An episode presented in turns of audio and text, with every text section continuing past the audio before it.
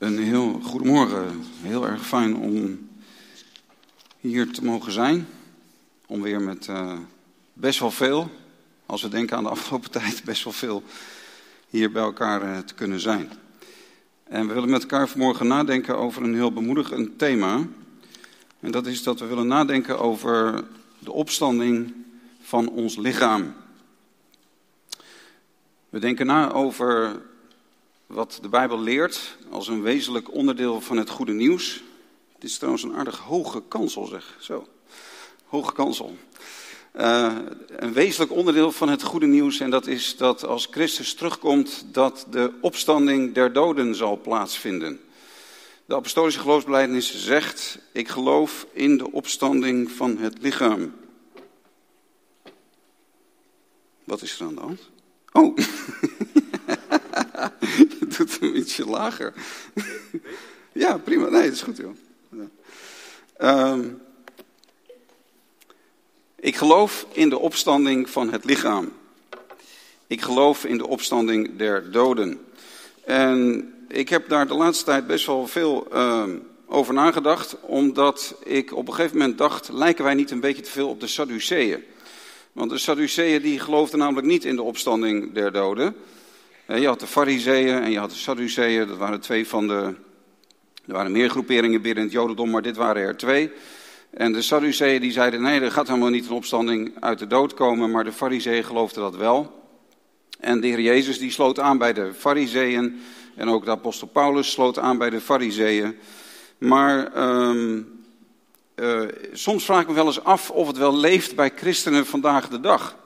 Is er niet iets gebeurd in ons denken en is er niet iets binnengeslopen in de christelijke leer, waardoor wij toch vooral uh, de hemel benadrukken, dat wij na dit leven in de hemel zullen zijn, en dat wij weinig uh, zicht hebben op wat de Bijbel leert over de toekomst en dat is dat ook ons lichaam zal opstaan uit de dood. Waaruit concludeer ik dat? Nou, Um, soms dan wordt er weinig over gezegd uh, in de prediking. Er wordt eigenlijk niet zoveel gepreekt over de lichamelijke opstanding uit de dood. Soms wordt er ook heel weinig gedankt in de dankgebeden. Als er door de gemeente gebeden wordt, als er op de kansel of vanaf het podium gebeden wordt, komt de opstanding, de lichamelijke opstanding weinig voorbij. Zelfs op paasmorgen wordt er vooral gesproken over Christus opstanding uit de dood, maar niet zoveel over de betekenis daarvan. De betekenis daarvan is dat wij straks zullen opstaan uit de dood. En ook bij begrafenissen hoor ik eigenlijk weinig. Vind ik dat er weinig hoop geput wordt, dat er weinig gememoreerd wordt. Dat wij straks ook zullen opstaan uit de dood. Terwijl het juist iets is wat ons zo mag verblijden en bemoedigen. En dat dat juist is waarom wij hoop hebben voor de toekomst. Er is een bekende uh, theoloog die vandaag de dag zeer spraakmakend is, internationaal in de theologische wereld. En hij, heeft, uh, hij noemt dat, dat wij als christenen mogen geloven in het leven na het leven na de dood. Kijk, het leven na de dood, dat leeft wel bij christenen. Maar het leven na het leven na de dood, dat leeft weinig. En dat bepaalt ons erbij dat als wij zullen sterven, ja, dan zullen we bij de Heer in de hemel zijn. Dan zullen we in het paradijs zijn. En dat is verreweg het beste. Dat zegt Paulus ook. Het is verreweg het beste om bij Christus te zijn. Daar mogen we zelfs naar verlangen. Ik verlang er naar om heen te gaan en bij Christus te zijn. Maar dat is niet ons eindstation. Dat is een tussenperiode voor degene die in Christus is gestorven. Wij zullen daar zijn, wachtende op de dag. Wachtende op de dag waarop geest, ziel en lichaam met elkaar herenigd zullen worden bij de wederkomst van Jezus. Ik ga een paar teksten voorlezen die dit onderbouwen. Ik heb vanmorgen meerdere teksten, het is dus niet één Bijbelgedeelte wat ik alleen maar verklaar en uitleg, maar verschillende teksten zullen voorbij komen. De eerste is Romeinen 8, vers 10 en 11. Romeinen 8, vers 10 en 11, daar staat: Als Christus echter in u is, dan is het lichaam wel dood vanwege de zonde, maar de geest is leven vanwege de gerechtigheid. En als de geest van hem, die Jezus uit de doden opgewekt heeft, in u woont, De geest van God, die ook Jezus uit de doden heeft opgewekt, die woont in ons. Zal hij, die Christus uit de doden opgewekt heeft, de Heere God, ook uw sterfelijke lichamen levend maken door zijn geest die in u woont. Wat zegt Paulus hier? Nou, hij zegt, um, als Christus in u is, is het lichaam wel dood vanwege de zonde. Wat bedoelt hij daarmee? Hij bedoelt daar letterlijk ons lichaam mee, dus ons fysieke lichaam. En Paulus zegt daar, dit lichaam is dood, tussen aanhalingstekens. Daarmee bedoelt hij, ons lichaam is sterfelijk. Het lichaam waar wij nu nog in leven, het lichaam dat wij nu nog hebben, ons lichamelijke wezen hier op aarde is nu nog sterfelijk. En dat bedoelt Paulus met het is dood. We zijn kwetsbaar. We kunnen zomaar ziek worden. We kunnen zomaar sterven. Niemand van ons weet hoeveel dagen we nog hier op aarde zullen hebben. Maar, weet je, uh, het lichaam is wel dood vanwege de zonde. De geest is leven vanwege de gerechtigheid. We zijn nu opnieuw geboren. We zijn levend gemaakt met Christus nu al. In geestelijk opzicht. De Heilige Geest is in ons komen wonen.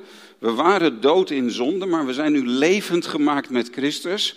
Dus het eeuwige leven is al begonnen, omdat we hè, vanwege de gerechtigheid, we zijn gerechtvaardigd, we zijn met God verzoend.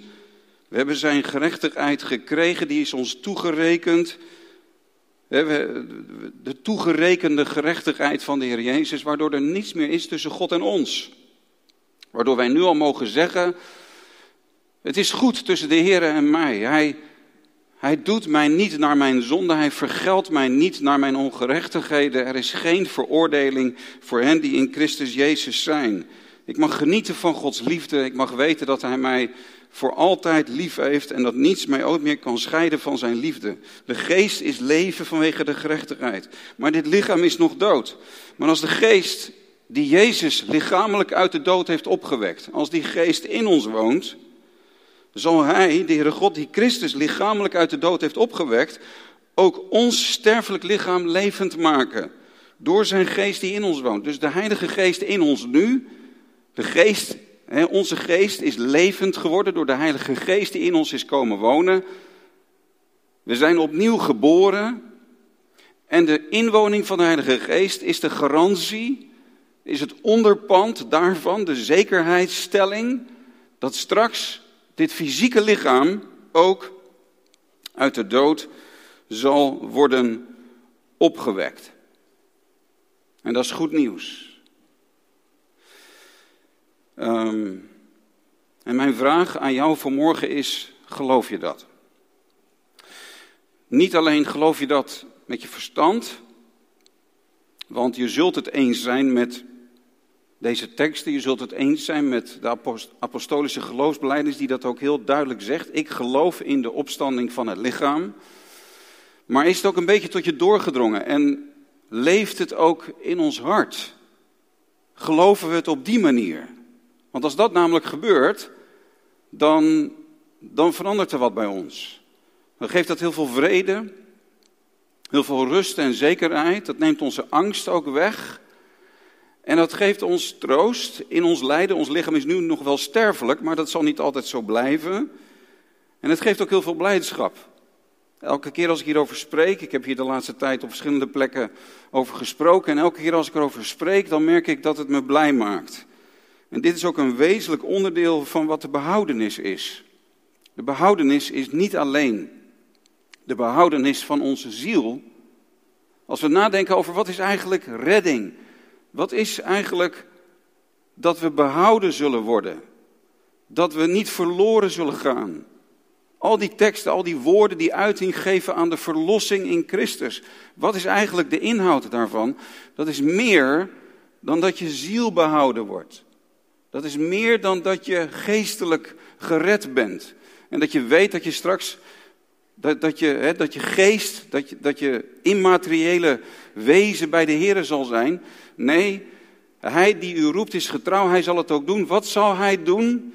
Hij nu de God des vredes, heilig uw geheel en al, opdat geheel uw geest, ziel en lichaam bij de komst van onze Heer Jezus Christus mogen blijken in alle delen onberispelijk bewaard te blijven.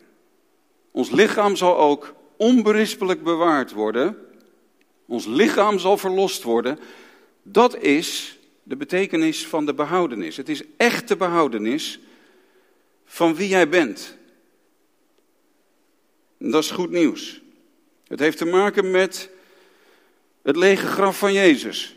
Eigenlijk komen we hierbij terug bij de fundamentele vraag: wat geloof je over dat lege graf? Geloof je dat het echt leeg was? Geloof je werkelijk dat Jezus lichamelijk opstond uit de dood? Ik heb de indruk dat wij door die nadruk die er op het geestelijke is gekomen in de christelijke leer, dat we ergens, misschien wel onbewust, toch een beetje geloven dat hij een soort van geestelijk is opgestaan uit de dood. Dat hij geestelijk tot leven is gekomen en niet meer dan dat. Maar het graf was echt leeg. Zijn aardse lichaam, zijn gekruisigde lichaam, zijn gestorven lichaam, zijn lichaam dat in het graf is gelegd. Dat aardse lichaam stond op uit de dood. Het graf was echt leeg. En hij heeft na zijn opstanding uit de dood tegen Thomas gezegd: Kom hier en raak mij aan. En hij heeft tegen zijn discipelen gezegd: Zie, ik ben niet een geest. Want een geest heeft geen vlees en beenderen zoals ik heb. Dat zei hij na zijn opstanding uit de dood. En hij vroeg aan zijn discipelen: Hebben jullie hier iets te eten? En hij at met zijn discipelen van de vis en van de honingraad. Jezus' lichaam is echt weer tot leven gekomen, nu in een onvergankelijke staat. Jezus kan nooit meer sterven. En dat is de garantie dat wij straks ook lichamelijk op zullen staan uit de dood. Nou, um, dit is een groot onderwerp. Als ik bijvoorbeeld de Christenreis lees van John Bunyan, dat is een geweldig mooi boek. Ik heb het zes of zeven keer gelezen. En het is zeer de moeite waard om dat boek te lezen. John Bunyan was een van de bekendste baptisten aller tijden. De christenreis naar de eeuwigheid. Een prachtige allegorie op het leven van de christen. Maar de eindbestemming zoals die daar naar voren komt, is de hemel. En dan zie je ook weer dat dat, dat toch dominant is geworden in het denken over de toekomst. Maar de Bijbel leert dat onze toekomst in deze wereld zal zijn. God zal deze wereld, hij zal de schepping verlossen. Heel vaak in kerkdiensten wordt begonnen met deze uitspraak uit de psalmen. Onze hulp is van de Heer die hemel en aarde gemaakt heeft. Die trouw houdt tot in eeuwigheid en niet laat varen het werk dat zijn handen is begonnen. Wat is zijn handen begonnen? Hij heeft hemel en aarde gemaakt.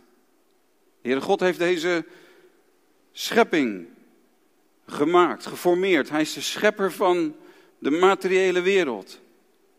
En hij houdt trouw tot in eeuwigheid. Hij laat niet varen wat zijn handen is begonnen. Hij gaat niet deze schepping loslaten. Hij gaat niet deze schepping vernietigen. Maar hij gaat deze schepping verlossen. En dat is wat de Bijbel leert. Bijvoorbeeld als we kijken naar Romeinen 8. We zijn al begonnen in Romeinen 8. Maar dat, die, die, weet je, dat is zo'n vers wat we allemaal heel goed kennen. Ik ben ervan overtuigd dat het lijden van de tegenwoordige tijd niet opweegt tegen de heerlijkheid die aan ons of over ons geopenbaard zal worden. Dat is een prachtig vers. En daar bemoedigen we elkaar mee. We hebben nu nog lijden. Het leven is soms bar moeilijk, dat hoef ik je niet te vertellen. Soms doet het leven echt pijn. En dat is ook vanwege onze sterfelijkheid. En dat we zo makkelijk ziek worden, et cetera. En ook ons, ons psychische lijden. En onze angsten en fobieën. En dat we zo moe kunnen worden in dit leven. En dat we, dat we burn-out kunnen raken of overspannen of depressief. Of dat je gewoon moeilijk functioneert omdat je iets hebt waardoor je niet zo makkelijk je draai kan vinden in het leven. En er zijn zoveel dingen waardoor we ook lijden. Er is veel lijden. We zijn hier vanmorgen bij elkaar als mensen die allemaal min of meer weten wat lijden ook is. En vul het maar in voor jezelf. Maar we zijn ervan overtuigd dat het lijden van de tegenwoordige tijd niet opweegt tegen de heerlijkheid die aan ons geopenbaard zal worden. En ik heb lang gedacht dat, ik heb dat ook lang geïnterpreteerd zo van hier op aarde hebben we ons lijden En straks, als we in de hemel zijn, dan zal er heerlijkheid over ons geopenbaard worden zoals we nog nooit hebben meegemaakt. Nou, dat is natuurlijk ook zo, wat ik al zei, als we bij Christus zullen zijn, als we uit dit lijden verlost zijn, als we over ons lijden heen zijn, als we overleden zijn, dan zullen we bij Hem zijn en dat zal grote heerlijkheid zijn. Maar dat is niet waar Paulus hierover spreekt. Want hij spreekt hier over de schepping. Met rijkhalsend verlangen verwacht de schepping het openbaar worden van de kinderen van God. Als de kinderen van God zullen opstaan uit de dood, als hun sterfelijke lichaam gelijkvormig zal worden aan het opgestane, verheerlijkte lichaam van Christus, als op die manier de kinderen van God geopenbaard zullen worden in deze wereld, omdat ze in hun opstandingslichaam zullen leven op aarde, dan zal de schepping daar ook aan gelijkvormig worden. Want de schepping is nu nog onderworpen aan de zinloosheid, aan de vruchteloosheid. Maar in hopen, want de schepping zelf zal ook bevrijd worden aan de dienstbaarheid, aan het verderf. De schepping zal bevrijd worden van het verderf. De schepping zucht nu nog, maar in de verwachting die gaat komen. Met andere woorden, Paulus heeft het in Romeinen 8 als hij zegt: het lijden dat over ons geopenbaard zal worden, dan heeft hij het tot vier keer toe daarna over, sorry, het lijden dat nu nog is, maar de heerlijkheid die over ons geopenbaard zal worden, dan heeft hij het tot vier keer toe daarna over de heerlijkheid die in deze schepping geopenbaard zal worden. En dan heeft hij het ook over de verlossing van ons lichaam en niet de verlossing uit ons lichaam. Begrijpt u wat ik bedoel? Verlossing uit je lichaam is het idee dat we straks van dit lichaam verlost zullen zijn en dat is het. En dan zullen we voor altijd in een niet-lichamelijke toestand zijn. Maar dat is niet wat de Bijbel leert. Nee, dit lichaam zelf zal verlost worden. Daarom is de Heere God in het vlees gekomen. Daarom is God de Zoon mens geworden.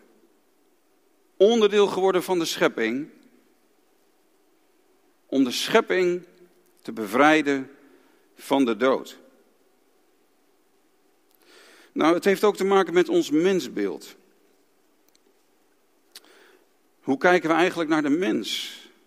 Met name in het welvaartsevangelie, daar wordt letterlijk geleerd, en ik zal u ook uitleggen waarom ze dat zeggen, van je bent geest, dat is je werkelijke ik.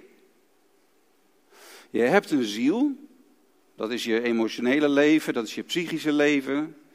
En je woont in een lichaam. En waarom benadrukken welvaartsevangelisten ons geestelijke zijn?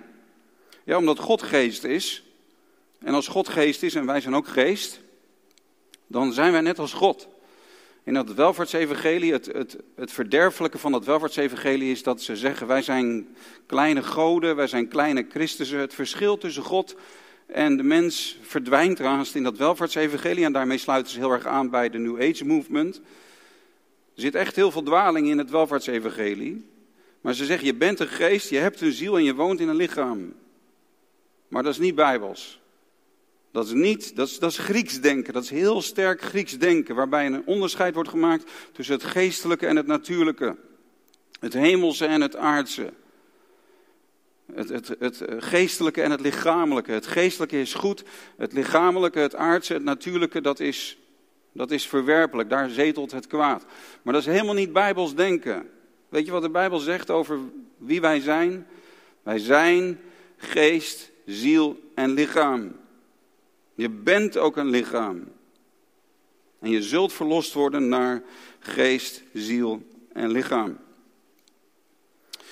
Nou, Um, weet je, 1 Thessalonicense 5, vers. Oh, dat heb ik al nog genoemd. Um, laat me, twee, twee andere teksten noemen. Um, om dit nog verder te onderbouwen. Ik hoop dat u mij kunt volgen. Ik zal straks het wat dichter bij ons brengen. En ook laten zien hoe geweldig vertroostend dit is, wat ik al zei. Nou, bijvoorbeeld Paulus zegt in 1 Korinther 15, dat onderbouwt natuurlijk ook helemaal de opstanding van de doden. Daar gaat helemaal over de opstanding van de doden. Paulus zegt daar ook van, als Christus niet opgewekt is, hoe kunnen sommigen onder u dan zeggen dat er geen opstanding van de doden is?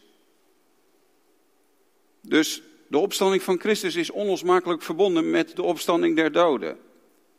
Geen opstanding van Christus betekent geen opstanding der doden. Maar Christus is wel opgestaan uit de dood. Dus wij zullen ook opstaan uit de dood. Als wij zeggen dat er geen opstanding van de doden is, dan is ook Christus niet opgewekt. De twee zijn onlosmakelijk met elkaar verbonden. Als dat zo zou zijn, dat er geen opstanding der doden zou plaatsvinden, dan is ons, onze prediking zonder inhoud en ons geloof ook zonder inhoud. Dan blijken we valse getuigen van God te zijn. Maar dan zegt Paulus daar, als we alleen voor dit leven op Christus onze hoop gevestigd hebben, zijn we de meest beklagenswaardige van alle mensen. En ook daar heb ik heel lang gelezen, als we alleen voor dit leven onze hoop op Christus gevestigd hebben, zijn we de meest beklagenswaardige van alle mensen. We vestigen niet alleen onze hoop op dit leven, maar we vestigen ook onze hoop op het leven in de hemel. Maar dat is niet het contrast dat Paulus schetst. Hij zegt niet alleen dit leven op aarde, maar dat is er niet alleen, dan zouden we de meest beklagenswaardige zijn die er zijn in deze wereld. Uh, daarnaast is er het leven in de hemel. Dat zegt Paulus niet. Hij zegt niet alleen dit leven zoals we het nu kennen, maar daarnaast en daarna, en dit is onze hoop, de opstanding der doden. Daarom zijn we niet de meest beklagenswaardige van alle mensen. Want gelijk daarna zegt hij, maar nu Christus is opgewekt uit de doden. En de eersteling is geworden, hij is de eersteling geworden van hen die ontslapen zijn. Met andere woorden, gelijk daarna heeft hij het over de opstanding uit de dood. De lichamelijke opstanding uit de dood. Christus als eersteling. En wij zullen hem volgen. Eersteling is de eerste opbrengst van de oogst. En is de garantie voor de rest van de oogst. En wij zullen hem volgen. En daarom, lieve mensen omdat die opstanding uit de dood gaat komen, omdat geest, ziel en lichaam bij de komst van onze Heer Jezus Christus zullen blijken, in alle delen onberispelijk bewaard te zijn, omdat wij straks volkomen genezen zullen zijn van alles wat ons nu nog aankleeft en we zullen niet meer dood zijn zoals we nu dood zijn. Het lichaam zal straks niet meer dood zijn zoals het nu nog dood is. Daarom zijn wij niet de meest beklagenswaardige van alle mensen, want wij vestigen onze hoop niet alleen op het leven zoals het nu is, maar het leven hier op aarde gaat volkomen anders worden. Dat is de boodschap van het evangelie. De apostelen getuigden voortdurend van hun geloof in de opstanding. Handelingen 4, vers 2, daar stonden ineens Petrus en Johannes weer het volk te onderwijzen. En wat onderwezen zij het volk? De mensen, de religieuze leiders, de priesters en de bevelhebbers van de tempelwacht en de Sadduceeën werden heel boos dat ze opnieuw stonden te onderwijzen. En wat stonden ze te onderwijzen? Ze onderwezen het volk in, Je in Jezus, sorry, in Jezus, de opstanding uit de doden. En ik kan u zo vijf teksten noemen, dat zal ik niet doen nu, want dat voert te ver. Vijf teksten uit het boek Handelingen, waaruit blijkt dat de apostelen voortdurend predikten de toekomstige opstanding uit de doden. Denk maar aan Athene, Paulus op de Areopagus in Athene, dan begint hij te spreken over de opstanding der doden. Dat gaat er niet in bij de Griekse filosofen, bij de mensen die zo door de Griekse filosofie zijn beïnvloed, want die benadrukken het geestelijke en die zeggen het lichamelijke is verachtelijk, het lichamelijke is verwerpelijk. Uh, het lichaam doet er niet toe. En daarom spotten velen met de, met de boodschap van Paulus, omdat Paulus niet alleen de opstanding van Christus predikte, maar hij sprak voortdurend over de opstanding der doden. Nou, we mogen hier verder met elkaar over nadenken. Nu nog kan het leven zo moeilijk zijn, wat ik al zei. Nu nog lijden wij pijn. En het coronavirus heeft velen geweld. We hebben meerdere kennissen, vrienden die aan het coronavirus zijn overleden. Ik heb een zuster begraven die binnen drie weken is weggerukt van haar man vanwege het coronavirus. Ik heb eh, in 2019 een broeder leren kennen in India. En ik was diep van hem onder de indruk. Ik ben van hem gaan houden. Ik heb een week met hem opgetrokken. Ik heb een week lang les gegeven op zijn school. Ik heb die hele school leren kennen. Ik heb een band met hem gekregen en ik kwam terug en ik zei tegen de directeur van KMA Zending, ik denk dat we die school moeten gaan ondersteunen. Want die man die daar leiding geeft is een man van God. En hij kreeg corona en hij is ook overleden.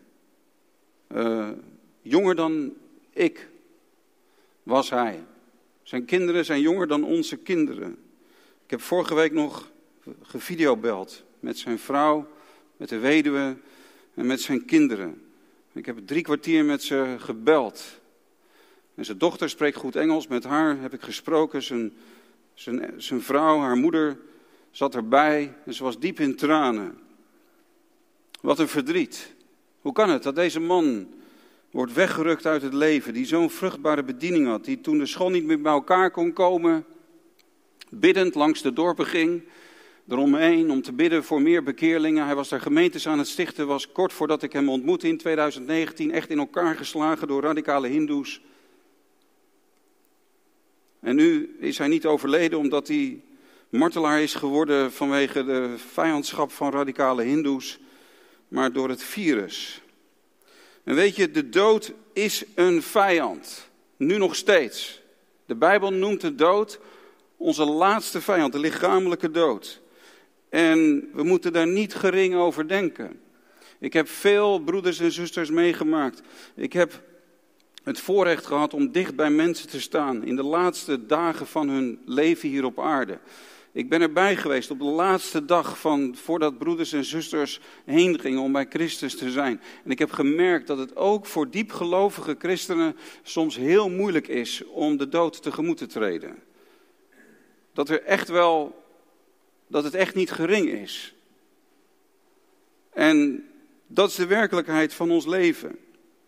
Maar we mogen weten dat de Heer Jezus Christus ook uiteindelijk deze laatste dood helemaal zal over, deze laatste vijand helemaal zal overwinnen, dat de dood straks helemaal overwonnen zal zijn en dat wij volkomen veilig zijn in Jezus' armen. Volkomen veilig in de armen van de Heer Jezus. De Heer Jezus zei: Wees niet bang voor hen die het lichaam kunnen doden, en ik denk dat we dat ook door mogen vertalen naar die zin, in die zin dat we mogen zeggen, wees niet bang voor dat, wat het lichaam kan doden. Misschien zit je hier vanmorgen wel en is er veel angst. We kennen allemaal wel angst. Maar misschien ben je wel heel bang voor de toekomst. Er zijn niet veel van onze angsten ten diepste angsten voor de dood. De angst is een bedreiging, sorry, de dood is een bedreiging. De dood dreigt. En het is natuurlijk dat we daar bang voor zijn. Maar die angst die kan doorwerken.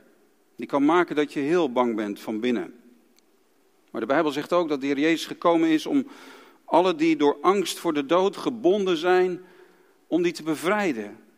En de Heer Jezus is vanmorgen hier en hij is opgestaan uit de dood en hij leeft en hij heeft gezegd, ik ben met jullie alle dagen. En hij stond, na zijn opstanding uit de dood, stond hij daar plotseling bij de discipelen. En hij zei tegen hen, vrede zij u.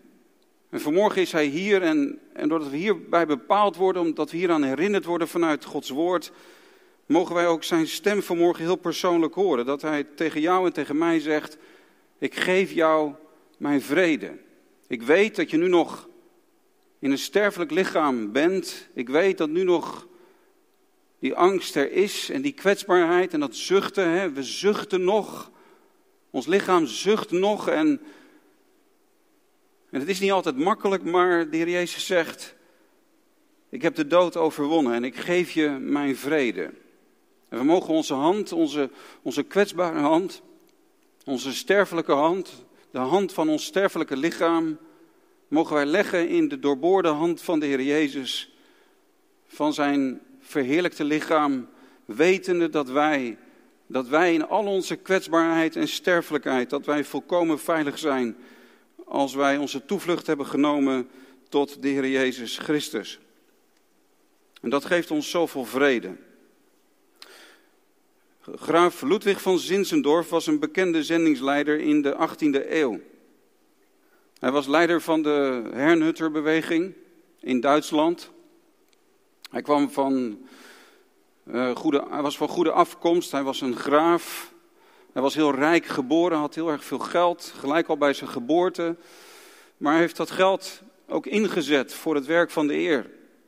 En hij, is, hij was een man van God. En er zijn ongelooflijk veel mensen, heel veel mensen, honderden mensen zijn uitgezonden door de opwekking die uitbrak daar in Hernhut. En toen zijn vrouw overleed, toen hebben ze op de grafsteen van zijn vrouw het volgende gezet. En ik vind dat zo mooi. Er staat op die grafsteen, hier rust voor een bepaalde tijd het stoffelijke overschot van de gravin Edmunte Dorothea van Zinzendorf. Hier rust voor een bepaalde tijd. Daarom is het ook zo mooi dat wij, dat wij als we afscheid nemen van onze dierbaren, als we onze broeder, onze zuster, onze geliefde aan het graf toevertrouwen, dat we inderdaad weten dat dat voor een bepaalde tijd is. Dat we inderdaad mogen zeggen, tot ziens. En wij rouwen wel, maar niet als mensen die geen hoop hebben. En ook dat um, vers uit 1 Thessalonicense 4, dat heeft alles met de opstanding uit de dood te maken. Ik wil niet, broeders, dat u onwetend bent ten aanzien van hen die ontslapen zijn, opdat u niet bedroefd bent zoals ook de anderen die geen hoop hebben. Maar het is niet zo dat wij niet rouwen zoals de anderen die geen hoop hebben, omdat wij weten dat onze overleden geliefden bij de Heer in de hemel zijn. Nee, wij rouwen niet zoals de anderen die geen hoop hebben. Omdat, wat staat er in het vers daarna? Want als wij geloven dat Jezus gestorven en opgestaan is, zal ook God op dezelfde wijze hen die in Jezus ontslapen zijn, terugbrengen met hem. En dat terugbrengen is niet alleen dat degene dan uit de hemel terug zal keren, ja dat ook, maar wat is de bedoeling daarvan en wat is de betekenis daarvan? De Heer zelf zal met een geroep, met de stem van een aartsengel, met een bazuin van God neerdalen uit de hemel. En de doden die in Christus zijn, zullen het eerst opstaan. Ze zullen wederkomen uit de hemel om op te staan uit de dood. En daarom rouwen wij niet als mensen die geen hoop hebben. Wat een geweldige bemoediging. Nou, dat betekent, om het nog op een andere manier te zeggen, en misschien dringt het dan nog ietsje dieper tot ons door. Dat betekent dat wij, weet je eigenlijk het enige waar je bang voor moet zijn, is dat je zonder Christus leeft. Dat zei de Heer Jezus ook zelf. Wees niet bang voor hen die het die het lichaam kunnen doden. Wees niet bang voor de lichamelijke dood, maar vrees hem die bij machten is om geest, ziel en lichaam in de hel te werpen. Waar je bang voor moet zijn is dat je verloren gaat omdat je nog nooit gehoor hebt gegeven aan de liefdevolle roepstem van de Heer Jezus, die ook vanmorgen jou roept en zegt: Kom naar mij toe met al je zonden, met al je falen, met al je gebreken. Met je pijn, met je ziekte, met je sterfelijkheid. Daar moet je bang voor zijn en dat, dat hoeft niet zo te blijven. Als je nog buiten staat vanmorgen, als je nog niet tot Christus bent gekomen, dan is nu het moment. Want de Bijbel zegt, dit is de dag des heils. Dat is, het, dat is waar je voor moet vrezen. Dat je doorgaat in je onbekeerde staat.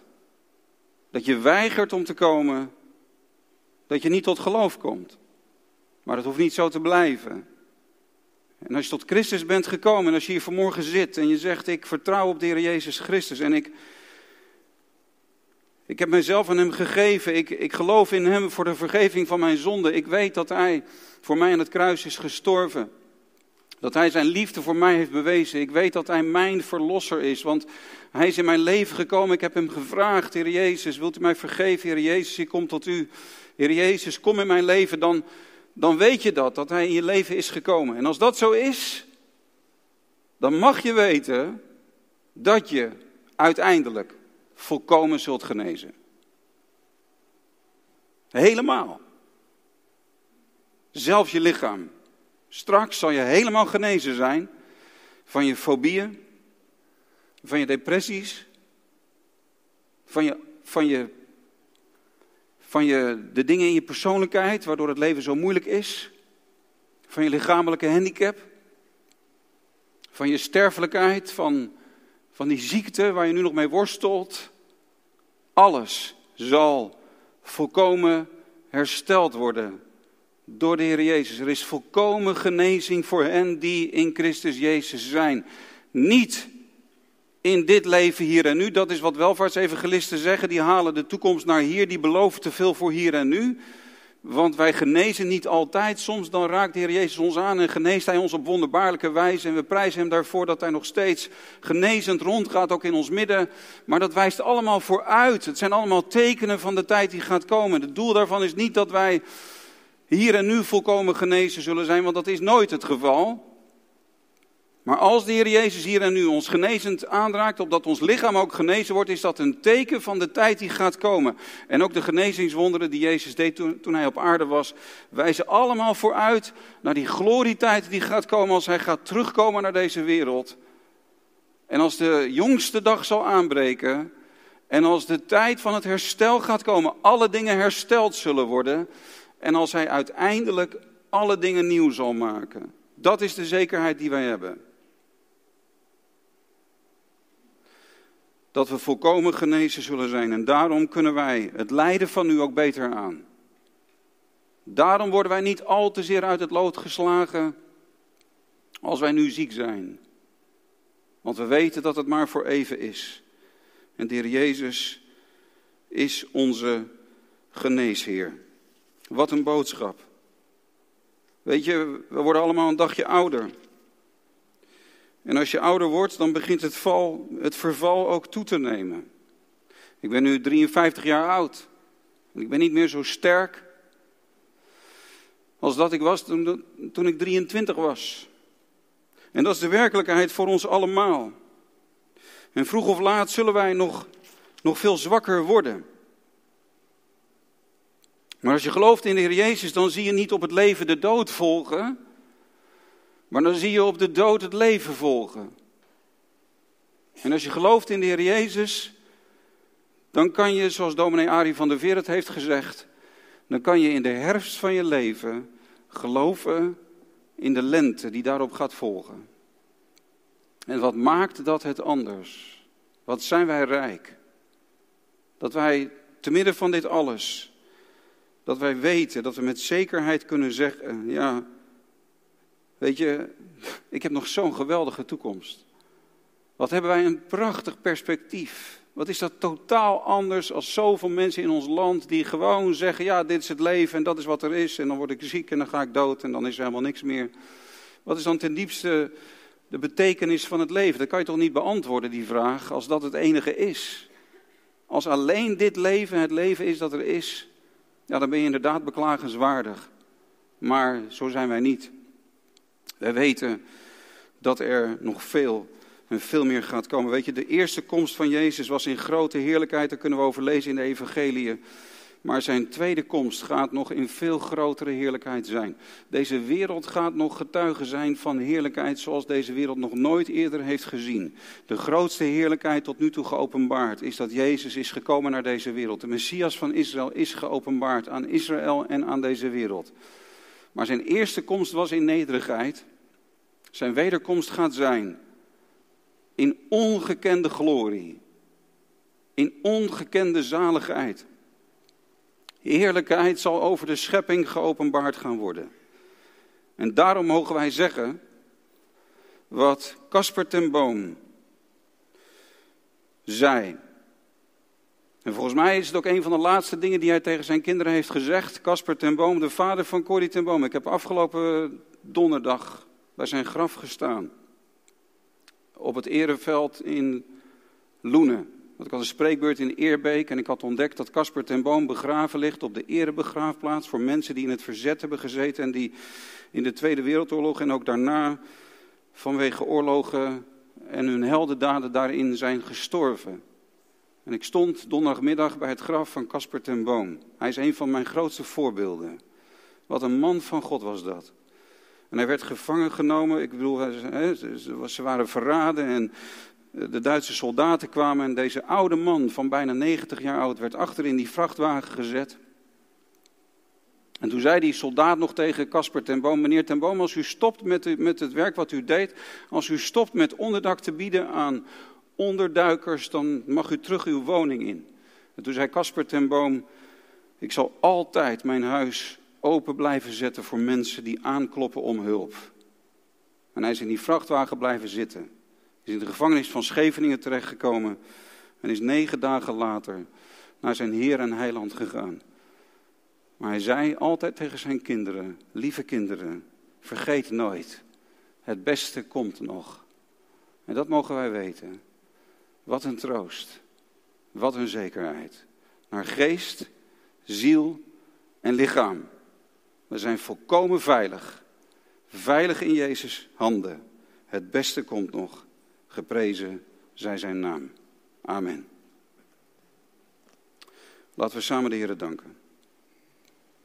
En daarna willen we met elkaar zingen.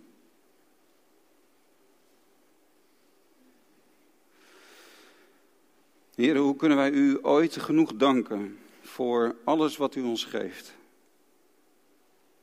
Heer, wat bent u een verlosser die zoveel troost geeft. In al onze druk, in al ons lijden. Heer, wat zijn we dankbaar voor uw liefde die u ons heeft bewezen. Dat u voor ons in het vlees bent gekomen, dat u voor ons aan het kruis bent gestorven, dat u onze dood bent gestorven. En dat u voor ons bent opgestaan uit de dood. Want u zelf had dat niet nodig. Heer, we danken u zo dat u naar ons heeft omgezien, dat u zich over ons heeft ontfermd. En dat we nooit meer van uw ontferming verwijderd zullen zijn. Heer, we danken u zo. We bidden voor elkaar, ook in onze, in onze moeite. We bidden voor de zieken in ons midden. We bidden voor de stervenden in ons midden. Maar ergens zijn we dat allemaal. Maar we danken u dat we elkaar mogen bemoedigen vanmorgen. Mogen zeggen, de Heer is waarlijk opgestaan. En wij met hem. En dat we mogen uitzien naar de toekomst. Zegen ons, geef ons de geest van wijsheid en openbaring, dat we dit helder voor ogen zullen hebben. Geef ons zicht op het goede nieuws. En dat we ons in u zullen verblijden als nooit tevoren. En dat de vreugde, de blijdschap in u onze kracht zal zijn. Zegen deze gemeente daarmee. Zegen ons met elkaar. Heer, dank u wel voor uzelf, want dat is ten diepste de rijkdom die u ons heeft gegeven. Dat we u zelf mogen kennen. We willen u loven en prijzen dat u uzelf aan ons heeft gegeven. Halleluja. Amen.